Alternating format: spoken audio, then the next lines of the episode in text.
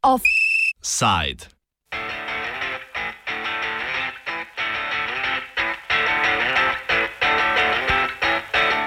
Na to sta ostali dve.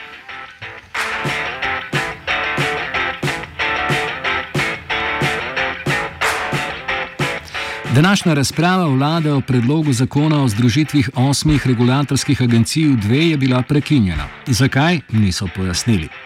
Predlog Ministrstva za gospodarstvo, ki ga minister počival še kopeva kakor korak učinkovitejšim, transparentnejšim in manj zbirokratiziranim regulatorskim agencijam, je torej za zdaj obstal. Nan so se kritično odzvale vse opozicijske stranke, ki ga vidijo kot poskus političnega prevzema neodvisnih institucij ter vladni Desus in Nova Slovenija. Prav tako pa predlogu nasprotuje vseh osem agencij, ki naj bi bile združene v dve novi.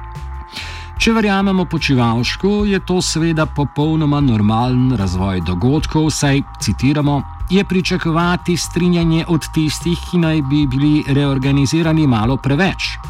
Verjamem, da bomo nadgradili obstoječ predlog v smeri, da bo sprejemljiv in efikasen, je še dodal. Do predloga, ki bo spremljiv za agencije, je še dolga pot, saj so njihovi predstavniki izpostavili, da predlog zakona zmanjšuje njihovo neodvisnost od politike kar je v nasprotju z evropskimi direktivami, poleg tega pa ne izboljšuje učinkovitosti njihovega delovanja.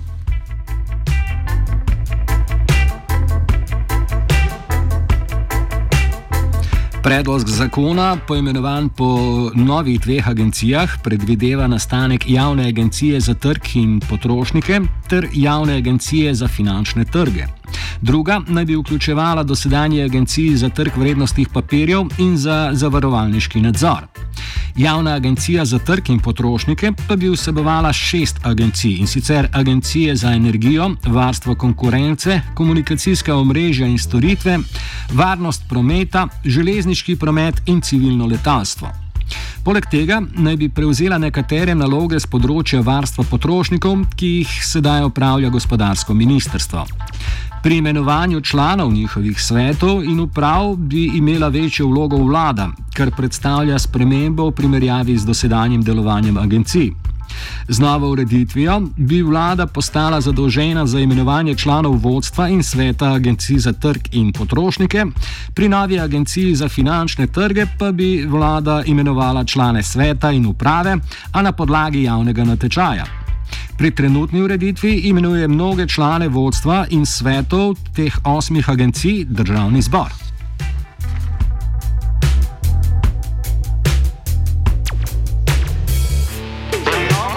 Tina Muha, direktorica Agencije za komunikacijske omrežja in storitve Republike Slovenije, krajše AKOS, o neobičajnosti postopka predstavitve predloga zakona. To, da je v medresorski obravnavi predlog zakona, so namreč izvedeli 1. oktober, na kar so morali opombe nanj podati v roku enega dne. Eh, moram pa reči, da to ni običajna praksa. Ponavadi je agencija vključena v pripravo zakonov, ki se nanašajo na njena področja dela in to že pred samim eh, postopkom medresorskega usklajevanja. Tako da nas je v bistvu zadeva presenetila. No. Rok je bil pa tudi zelo kratek za pripravo odziva. Rajko Pirnat, profesor upravnega prava na fakulteti za pravo v Ljubljani, izpostavi probleme predloga zakona, vključno s tem, da krši evropske direktive o neodvisnosti regulatornih organov. Direktive, ki urejajo ta različna področja regulacije in tudi na vsakem področju jih je kar precej, zahtevo po neodvisnem regulatorju urejajo na različne načine. A, ampak vsem je pa to, da poudarjajo zahtevo po neodvisnosti regulatorja. Zdaj, neodvisnost seveda zlasti pomeni, da ni voden na način, da vlada lahko kadarkoli uh, razrešuje um, uh, vodilno osebje, zlasti pa direktorje ali, ali člane sveta uh, neodvisnih regulatorjev in prav to zdaj počne. Z enim zamahom namerava razrešiti vse direktorje uh, teh agencij. Da ne govorimo seveda o tem, da tudi to, da vlada imenuje direktorja, zdaj ali ne bi bila dva direktorja, se ne vem, veste, to je tisti problem, ker ne vidimo, kaj sploh je napisano v tem uh, zakonu. Um, in, in to je zelo, mislim, glavni očitek. Ne? Glavni očitek je, da nekaj delajo pod mizo, pa se v javnosti sploh ne ve, kaj se dogaja. Povene javne obravnave tako pomembnega zakona ni bilo. In uh, torej glavni problem je, da uh, namesto, da bi bila namera vlade, da krepi neodvisnost regulatorjev, s tem zmanjšuje ne, neodvisnost regulatorjev, jih spravlja v hudo odvisnost od vlade. Vlada je sicer od tega ponedeljka, tako Tina Muha, direktorica Akosa, upoštevala nekatere njihove pripombe vezane na prvotni predlog, večine pa ne. Muha našteje glavne kritike predloga zakona, ki so jih naslovili na Ministrstvo za gospodarstvo. Predlog zakona um, še vedno v nasprotju z uh, več evropskimi direktivami in pa tudi zakonodajo in predvsem na področju, kjer um, je poudarjena in zahtevana samostojnost oziroma čim večja neodvisnost agencij od ustanovitelja, eh, pri čemer je neodvisnost nanaša tako na samo um, zagotavljanje um, resursov, uh, se pravi financiranja uh, agencije, notranje postopke in pa tudi na samo imenovanje in razreševanje njenega vodstva. Del direktive na področju elektronskih komunikacij in pa direktive o audiovizualnih medijskih storitvah, veste, da agencija pet, je pristojna na petih uh, področjih. Um, in dve od teh direktiv sta na tem področju še uh, strožje in dejansko uh, prepovedujete, da se direktori agencije kakorkoli spreminjajo pogoji v času trajanja mandata oziroma da se ta prekine oziroma kakorkoli uh, se to spremeni tudi uh, v primeru uh, morebitnih organizacijskih sprememb. Muha primerja trenutna pravila o zamenjavi vodstva s pravili novega predloga.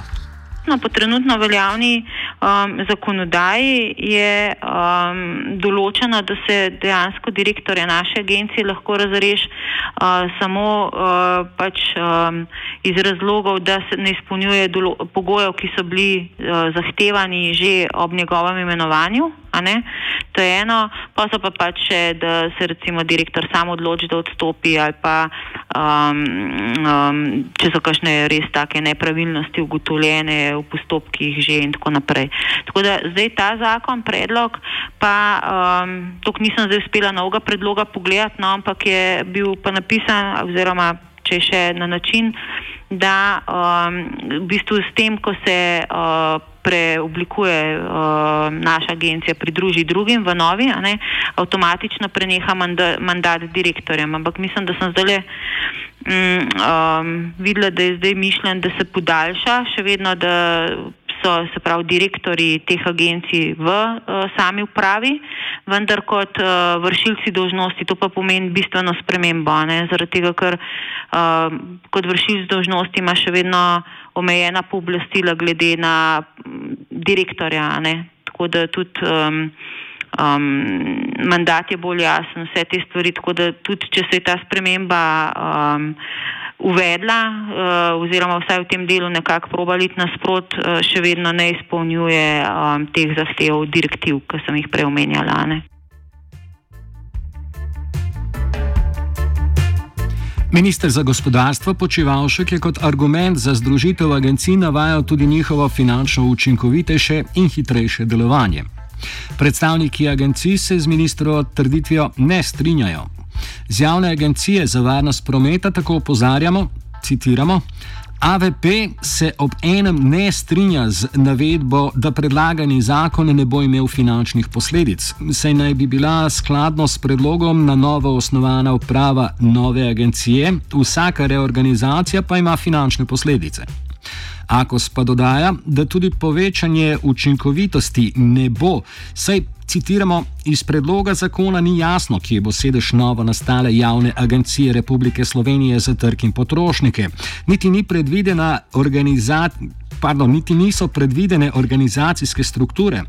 Po mnenju agencije bo, predlagana spojitev, bo predlagana spojitev dolgotrajna, vodila bo v daljše postopke pred agencijo, upočasnjeno bo opravljanje zakonsko določenih nalog.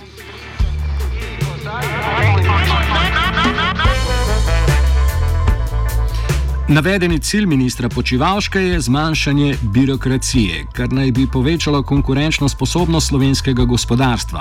Pirnat o razlogih, zakaj se birokracija z družitvijo agencij ne bo zmanjšala. Manj birokracije, ravno zato sem tudi rekel, da bi morala biti kakšna študija narejena, ali bo res prišlo do kakšnih sinergijskih učinkov uh, pri, pri tej združitvi. In ni čisto nobene. Uh, namreč um, delo teh agencij je strokovno zelo specialno. Gre za ena zelo oska, specialna področja stroke in nikakor ni misel, da bi lahko nekdo, ki dela na enem tem regulativnem področju, lahko delal tudi na drugem. Ta področja so sicer pri nekaterih agencijah mogoče malo bliže, uh, ampak uh, nikakor pa tega ni mogoče kar pošaljno reči. Zato je bilo treba z analizo uh, dejanskih kadrovskih zmogljivosti in mogoče potreb ugotoviti, ali je sploh in katere agencije smiselno združiti. Vse to, kar mislijo zdaj združiti v eno isto agencijo za, za trg, promet in potrošnike, se zdi popolnoma nezdružljivo. Muha o že doseženi optimizaciji delovanja ter dobrem sodelovanju z drugimi agencijami, zaradi česar ne vidi smiselnosti združevanja agencij v imenu optimizacije in učinkovitosti. Glede same optimizacije moram reči, da je naša agencija po pristojnostih ena največjih v Evropi. Imamo pet sektorjev in nobena, noben regulator v Evropi, ne glede na področja, ki jih pokriva, nima več kot uh, pet uh, področji. Uh, imamo pa v bistvu, glede na zaposlene, smo pa četrti najmanjši v Evropi in moramo dejansko, če rečem, v bistvu v povprečju imajo um, regulatori, ne glede na to, koliko področji pokrivajo, um, okoli 390 zaposlenih, agencija naša jih ima pa danes v bistvu potrjenih 101 zaposlenega, tako da moramo v bistvu že danes, da vse te naloge upravljamo, zelo optimizirati delo. Um, tako da um, tudi pri zaposlovanju in delovni zakonodaji smo vezani na vso veljavno zakonodajo, tako da mi dejansko z vsega tega um, ne vidimo, da bi kukor, na kakršen koli način dejansko ta sprememba, vsaj glede našega poslovanja, um, pripomogla k temu. Tudi mogoče, če bi bilo iz tega, da bi se bolj zoptimizirali sodelovanje med organi,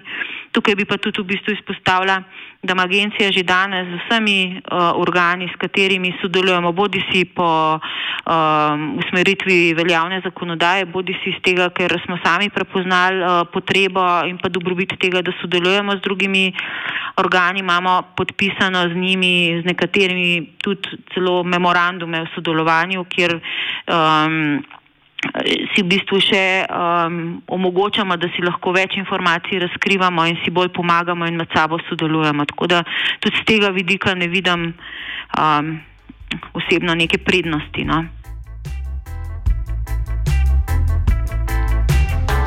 Poleg zahtev po neodvisnosti na področju kadrovanja podarjajo predstavniki agencij tudi potrebo po ohranitvi trenutnega načina financiranja in zavračajo trditev, da bi bila združitev finančno koristna.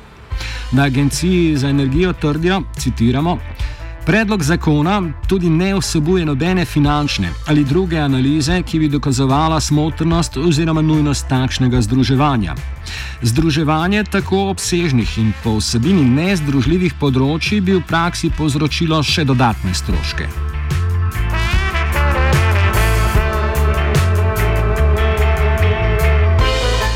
Muha opiše dosedanji način financiranja agencije za komunikacijska omrežja in storitve. Zdaj, financiranje naše agencije trenutno, kot je urejeno, je na način, da nismo nič vezani na proračun. Mi se v bistvu ne financiramo iz državnega proračuna, ampak se financiramo direktno z trga in sicer strani deležnikov, ki nastopajo na trgih, ki, za katere je uh, pristojna agencija za izvajanje regulacije. In se v bistvu tudi vsako leto, ko mi uh, naloge imamo jasno definirane, kaj uh, nam zakon nalaga, da moramo v določenem letu upraviti, mi to v bistvu v samem planu dela uh, opišemo, napišemo in potem tudi finančno vrednotimo glede na pravi same plače in pa tudi ostale uh, stroške dela agencije uh, v smeri opravljanja teh nalog. Um, potem pa v bistvu na podlagi tega se pa določi potem vrednost točk po posameznih področjih. Uh, tako da to. Potem se pa, kar je bistveno tudi tukaj, da agencija že zdaj zelo transparentno deluje, uh, tudi na tem področju je prvič, da to vse ta dokument pripravimo zelo pregledno in nazorno in da tudi predložimo, se pravi, cel plan dela in pa finančni načrt v javno posvetovanje.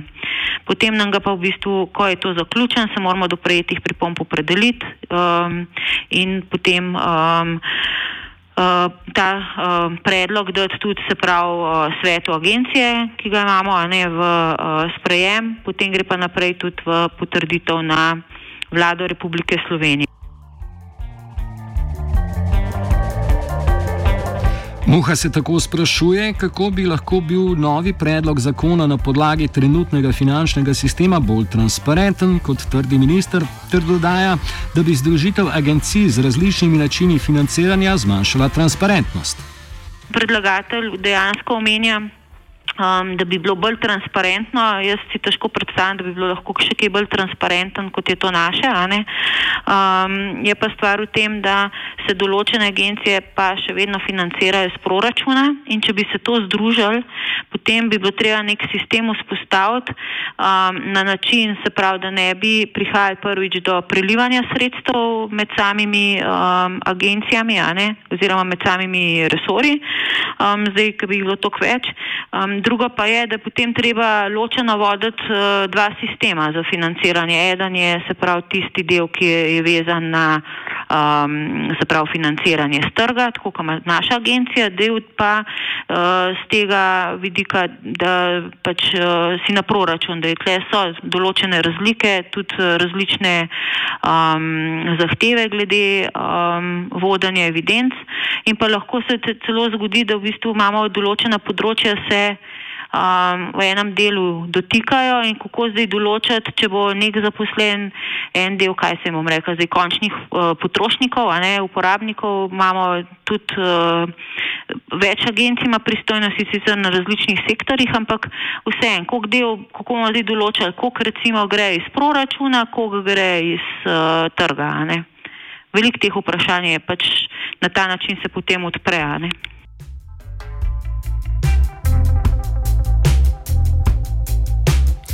Predsednik vlade Janez Janš rad povdari, da je debirokratizacija skupaj z decentralizacijo glavni cilj te vlade. Na prvem srečanju na Brdu pri, pri Kranju, dober teden po njenem formiranju, je vlada ustanovila strateški svet za debirokratizacijo, ki jo vodi Ivan Simič. Ta skupina je prejšnji mesec predstavila svoje predloge, med katerimi pa predloga za združevanje regulatorskih agencij ni bilo. Vlada torej ne uspe najti enotnega glasu niti glede usmeritev, o katerih se strinja. Predlog agencij predstavlja v javnosti predvsem gospodarski minister Zdravko Počivalšek, ki je očitno tudi glavni pobudnik tokratnih predlogov.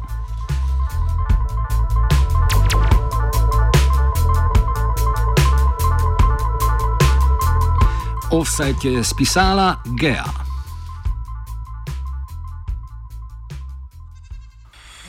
Oh. Oh. Oh. Oh. Oh. Oh. Off. Off. Off. Off. Off. Off. Side.